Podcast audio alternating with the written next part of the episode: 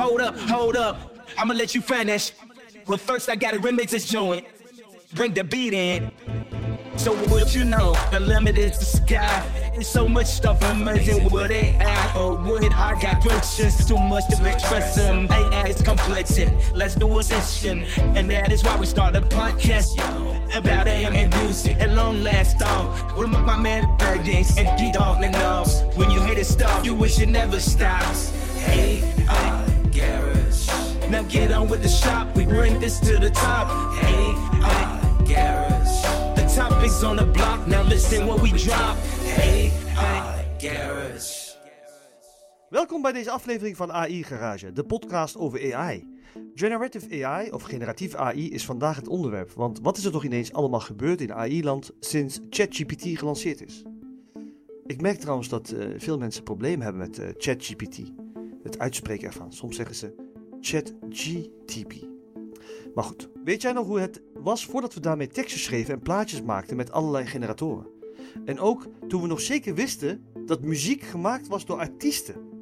Tegenwoordig hoeft dat niet meer zo te zijn. Onlangs leek het even alsof rapper Drake een nieuwe hit had. Maar dat bleek AI, AI te zijn.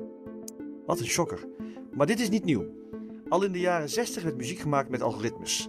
En futurist Ray Kurzweil of All People had het debuut in 1965 met een pianostuk gegenereerd door een computer.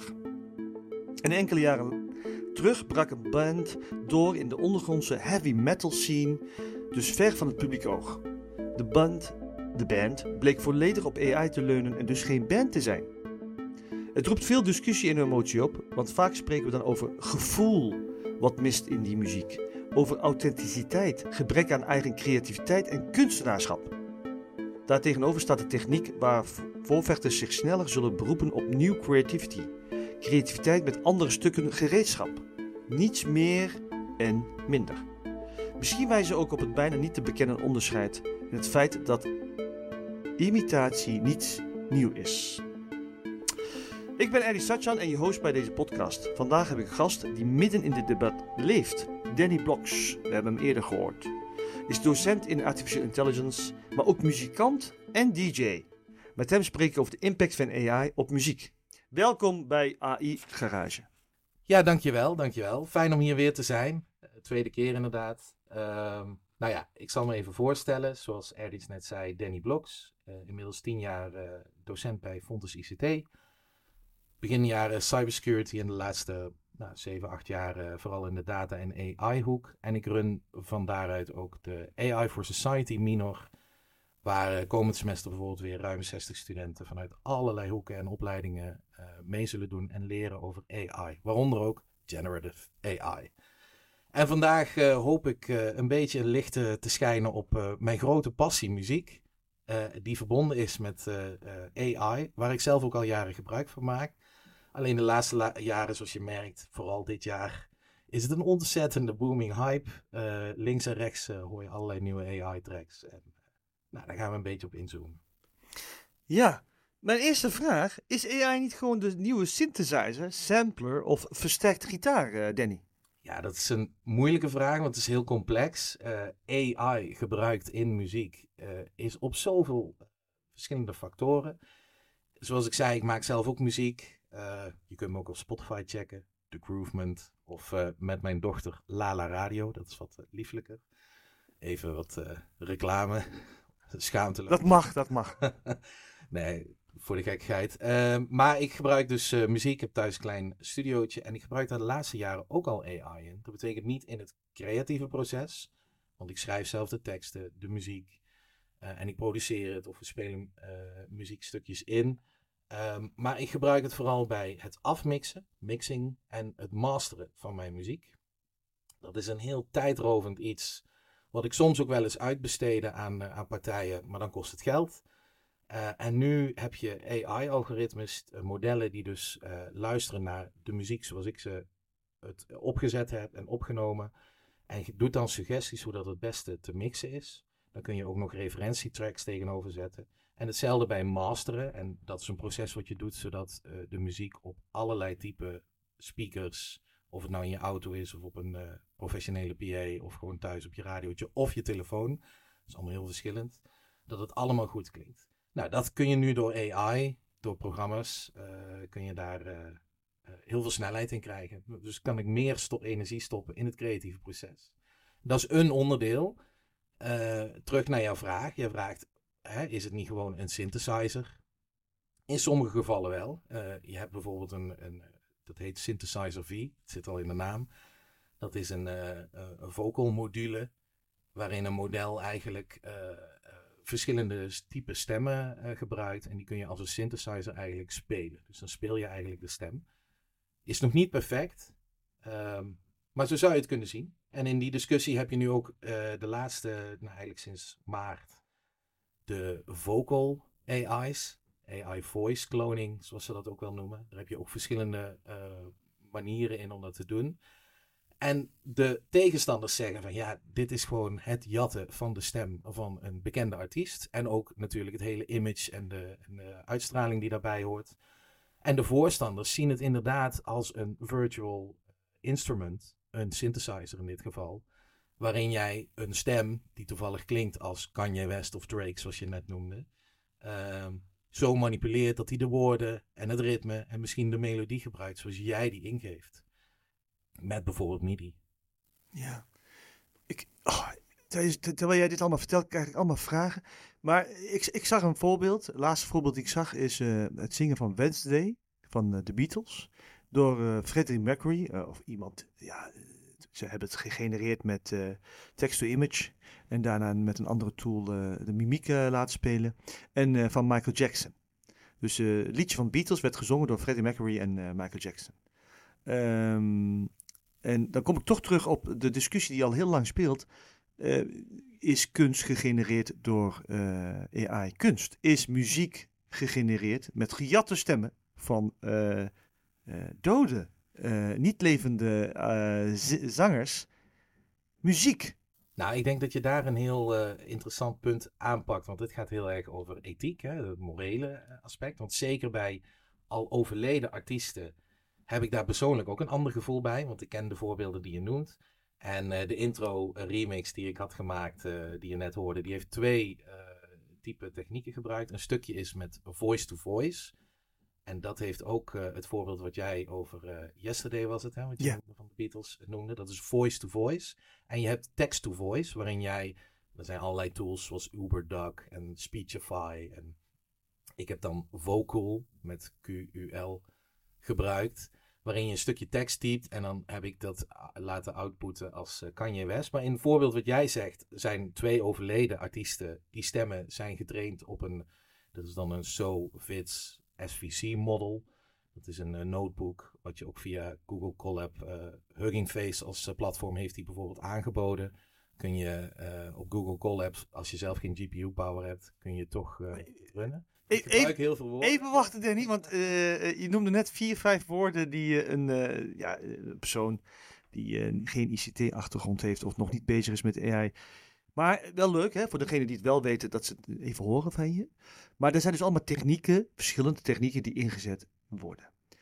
Maar wat vind jij er nou van? Ja, ik, wat ik even daar nog van af wil maken is wat ze hier dus doen, is ze hebben de stem losgetrokken van het Yesterday nummer, wat origineel gezongen is door Paul McCartney. En die hebben ze door een model gegooid die getraind is op zowel Freddie Mercury's als Michael Jackson's stem. Uh, ik heb daar zo ook nog wel een voorbeeld van uh, die ik wil laten horen. Uh, dan hoor je ook hoe goed de intonatie van zo'n stem kan zijn. En dat noemen we dan voice to voice. En dat heb ik ook een stukje gebruikt in die intro. Ik heb een stukje zelf gerapt met mijn nogal Brabantse inval over AI in die intro. En dat heb ik door een model gehaald die getraind is op Kanye West. En dan krijg je die output. Wat ik er zelf van vind is. Um, ik, vind, ik, ik zit heel erg in het midden. Ik vind het moeilijk. Want uh, um, als je bijvoorbeeld ook ziet hoe de reacties vanuit uh, de entertainmentwereld is. Sting gaf een paar weken geleden nog aan van het is, uh, het is hell on earth om AI te gebruiken. Ice Cube, dit vind ik heel grappig, is er erg op tegen. Die zegt ook iedereen die mijn stem gaat proberen te klonen, die ga ik Suing into Hell. Hè? Dat is natuurlijk een grofgebekte rapper. Um, maar de grap is, is dat hij groot is geworden op het samplen van met name soul en funk albums uit de jaren 70. En daar is hij in de jaren 90 met NWA en solo heel hype geworden. En hij vindt dat een verschil. Want hij zegt de samplen van muzikanten van vroeger vind ik toch anders dan het jatten. En in principe sommige mensen zeggen het is hetzelfde als het samplen van een stem. Alleen je bepaalt wat het zegt. Uh, maar als je terugkijkt naar die mensen die overleden zijn, die kunnen er niks meer over zeggen. En daar heb ik dan wel moeite mee, want je kunt, uh, je kunt ze alles laten zeggen wat je, wat je wil, omdat het textueel te veranderen is. Of je nou voice-to-voice of text-to-voice, text-to-speech gebruikt. En dus kun je ook dingen gaan zeggen waar die persoon zelf helemaal niet achter staat. Maar het klinkt wel als die persoon. Um, en als je kijkt naar de juridische wereld, die is daar nog niet bij. Dat was overigens in de jaren 80, 90 ook niet met samplen. Ik heb nog een anekdote over uh, James Brown. Ja. James Brown, jaren 70 groot geworden. En die deed allemaal van die leuke. Ja. Me, van die kleine stukjes ertussen. En dat is in de beginjaren van de housemuziek. Stond op bijna elke houseplaat die eruit kwam, stond zo'n en zo'n hit me. En omdat het hele korte soundbites waren, zag uh, James daar 0 uh, eh, dollar voor. En toen heeft hij specifiek zijn stem gedeponeerd, heeft hij gepatenteerd. Voor elk geluidje wat er gedaan, moest hij 10.000 dollar uh, uh, ontvangen. Maar wat er dan gebeurde, het stopte meteen.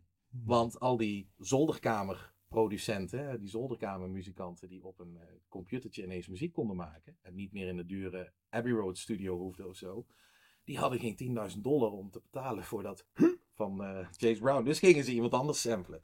En dan moest die, die uh, artiest die moest dan maar weer zo slim zijn om zijn of haar uh, stem ook te deponeren. En pas later is wetgeving ja, doorontwikkeld en heeft gezegd van nou, samplism is een probleem als er niet en recognition, dus, dus erkenning voor de originele artiest is. En als daar geld op verdiend wordt, dat een deel van dat geld dan niet naar de originele artiest gaat. En datzelfde zie je nu eigenlijk bij die voice cloning uh, AI's. Dat is nog niet besloten. Nee. Er is nog helemaal geen duidelijkheid. Er is nog geen uh, rechtszaak omheen gegaan. Ehm, dus we weten nog niet hoe, hoe, de rechters daarmee omgaan. En de huidige wetgeving is daar nog niet helemaal up-to-date. Nee.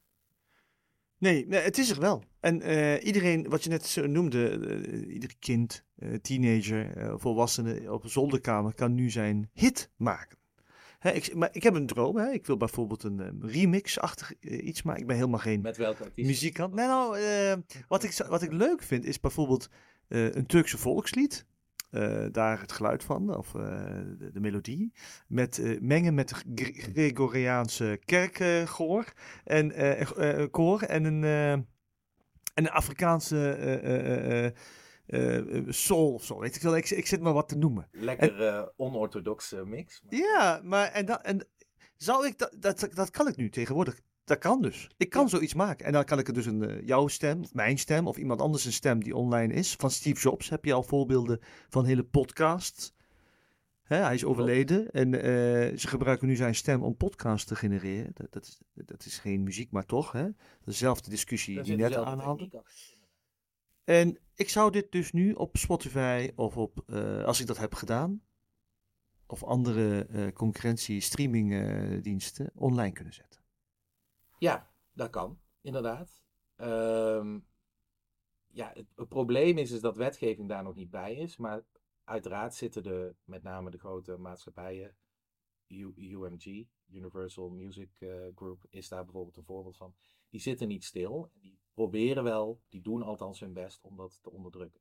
Overigens vind ik bij UMG vind ik het ook een beetje uh, dubbel.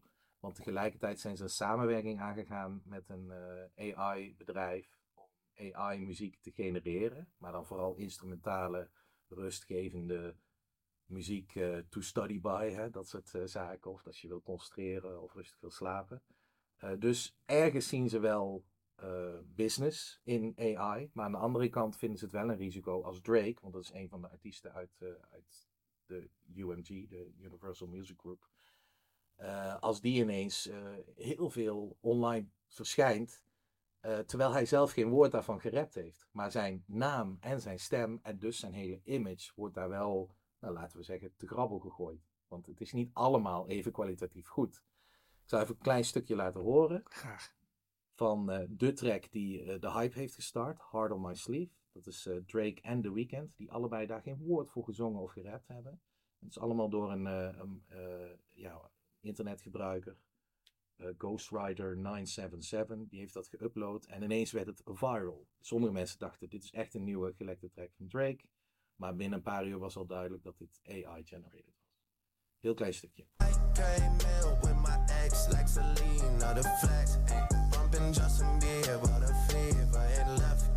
She know what she need, all her need, all she bless, ay, giving my best, ay, Nou ja, je hoort daar... Uh, Echt fantastisch, uh, Danny. Nou ja, die beat, die beat ja. is niet AI-generated overigens. Die is gewoon uh, gepakt of gemaakt door deze Ghostwriter 977. mensen weten overigens niet wie daar echt achter zit. Dat is ook nog zoiets. Hè. Je kan anoniem van alles online gooien, maar dat is een hele andere podcast, denk ik. Uh, maar die stemmen, en nu hoor je een stukje Drake, maar later uh, zingt ook uh, The Weeknd nog, die klinken echt best wel als Drake en The Weeknd. Het zijn artiesten die ik ook wel luister. En het zou inderdaad een nieuwe track van hem kunnen zijn. Sterker nog, de reacties online waren van heel veel Drake-fans van oh, eindelijk weer een goede Drake-track, omdat zijn laatste album was niet zo fantastisch ontvangen. En dat lijkt me als artiest helemaal lastig, dat je eigen echte werk was minder kwalitatief ontvangen door je fans dan iets wat waarschijnlijk iemand op zijn zolderkamer ook uh, via zo'n uh, Sovit CFC-model heeft uh, gedaan met jouw stem. En dat wordt ineens dan meer gewaardeerd. Ja. Dat is heel moeilijk. Danny, ik wil eigenlijk nog één voorbeeld horen. Oké, nou, um, een voorbeeld. Ik ben zelf groot Beatle-fan waar je het net ook al over had. en ik ben ook groot Queen-fan. Hier hoor je Freddie Mercury die uh, Let It Be zingt. We hebben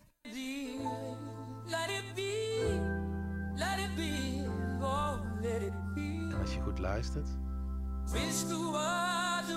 hoor je, want dit is normaal Paul McCartney, de intonatie echt Freddie-achtig is. And when the broken hearted people living in the world agree, there will be an answer.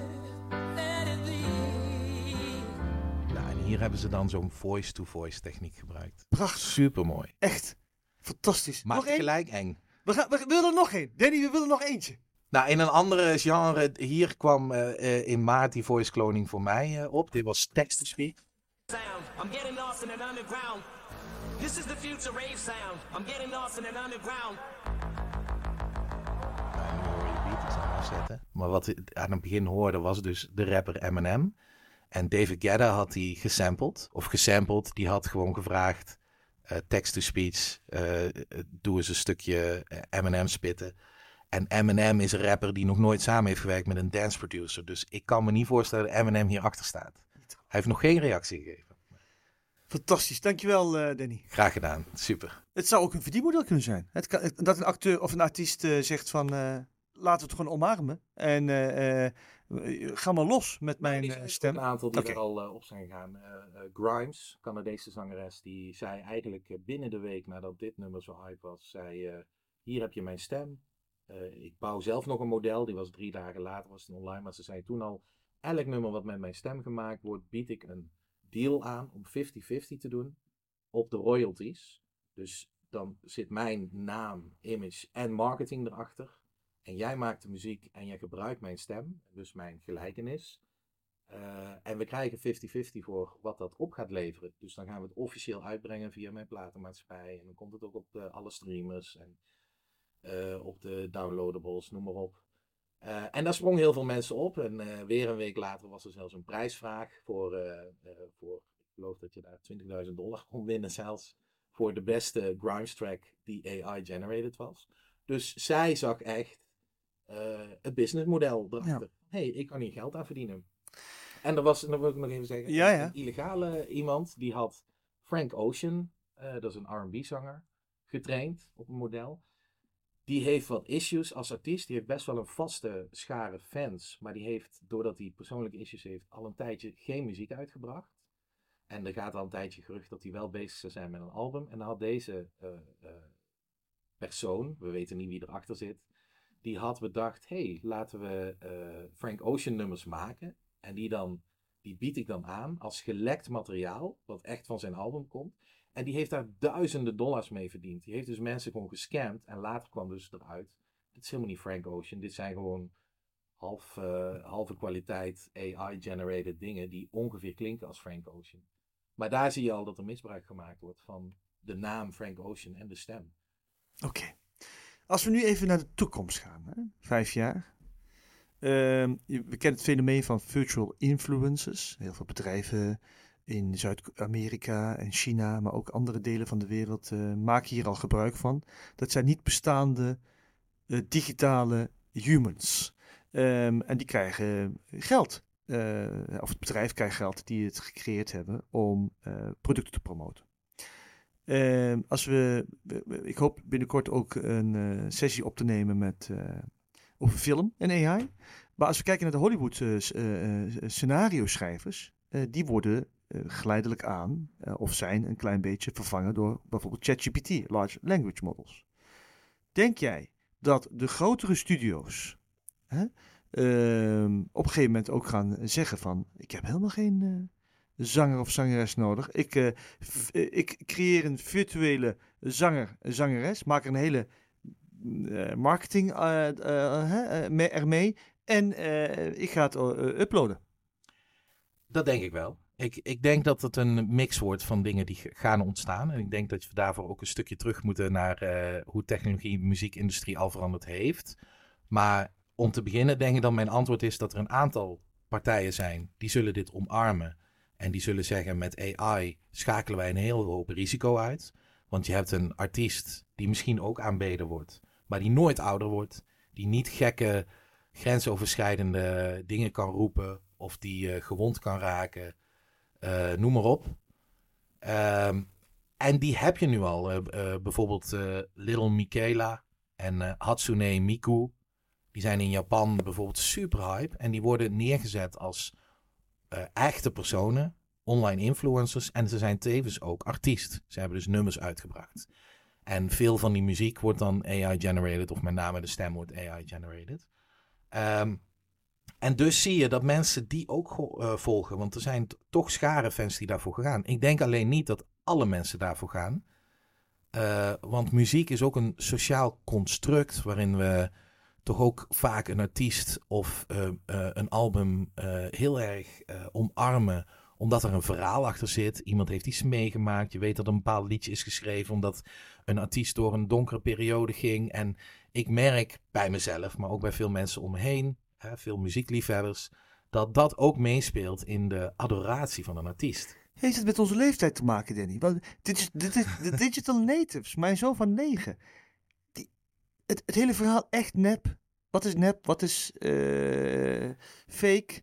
Hoe belangrijk wordt dat? Wie is weet, dat, uh, ja. Je ziet dat verschil, want ik had het ook over een stukje geschiedenis. Hè? De, uh, toen computers kwamen en wij op zolderkamers muziek konden maken, was er een nieuwe generatie die ineens zonder middelen toch hun creativiteit in met name de hip-hop en de house-stijlen kwijt kon. Want we konden samplen, we konden virtuele synthesizers gebruiken. Ik ben zelf in 89 begonnen op een Amigaatje met uh, een tracker, Pro Tracker, waarin ik uh, samples kon uh, zetten. En ik moest toen nog inbellen op zo'n public bulletin board. Met mijn toen nog 48k modempje. En dan kon ik wat sampletjes binnentrekken. Wat hi-hats en wat, wat kicks. En dan maakte ik... Dat was het begin van mijn muziek. En jaren later, in 1996, is mijn eerste single released. Toen nog echt fysiek. Ook op verzamelalbums. Dat, dan kon ik echt naar een winkel en dan zag ik allemaal mijn single op de wand. Dat heb je nu natuurlijk niet. Hè? Je wordt gewoon op een streamer gegooid. En je moet maar hopen dat iemand ernaar luistert. En dat is ook een van de vind ik negatieve kanten van AI-muziek. Het wordt nog makkelijker om nog meer ja, doorsnee muziek, laat ik het zo noemen, online te gooien op die streamers. Dus er gaat nog meer muziek zijn waar bijna niemand naar gaat luisteren. Want het aanbod is al zo groot. Dus waarom zouden we dat doen, is mijn persoonlijke uh, mening daarin. Maar in de geschiedenis zag je ook dat toen die housemuziek en die hiphopmuziek opkwam, vond een hele groep dat geen echte muziek. Hè? Want dat kwam uit computers en synthesizers. Waar is de gitaar? Waar is de, de bas en de drum? En toch werd het super hype. Begin jaren 90, toen begon de housemuziek echt. En toen zag je, 94 of zo, kwam er een tegenbeweging. Want het werd ineens eh, heel aantrekkelijk om unplugged albums uit te brengen. En MTV kwam toen met een programma, MTV Unplugged, waarin artiesten lieten zien, en dat was ook een beetje een dis naar dat computergeweld, van kijk, ik heb alleen maar een uh, halfbakken djembe en een akoestisch gitaartje nodig en ik kan nog steeds mijn muziek brengen.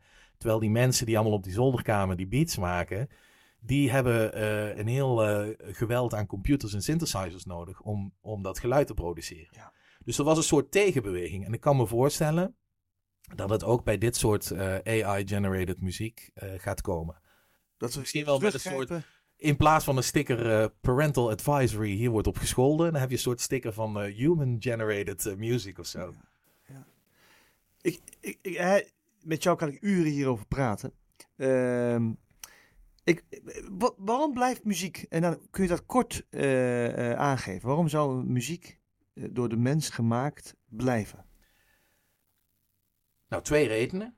Als je kijkt naar generative AI werkt, of het nou textueel is of images of zo, het heeft input nodig. Input die creatief is en nieuwe wegen bewandelt. En als jij alleen nog maar generate uit het verleden, dus uit historische data, gaat er nooit meer een nieuwe muziekstroming of nieuw iets ontstaan.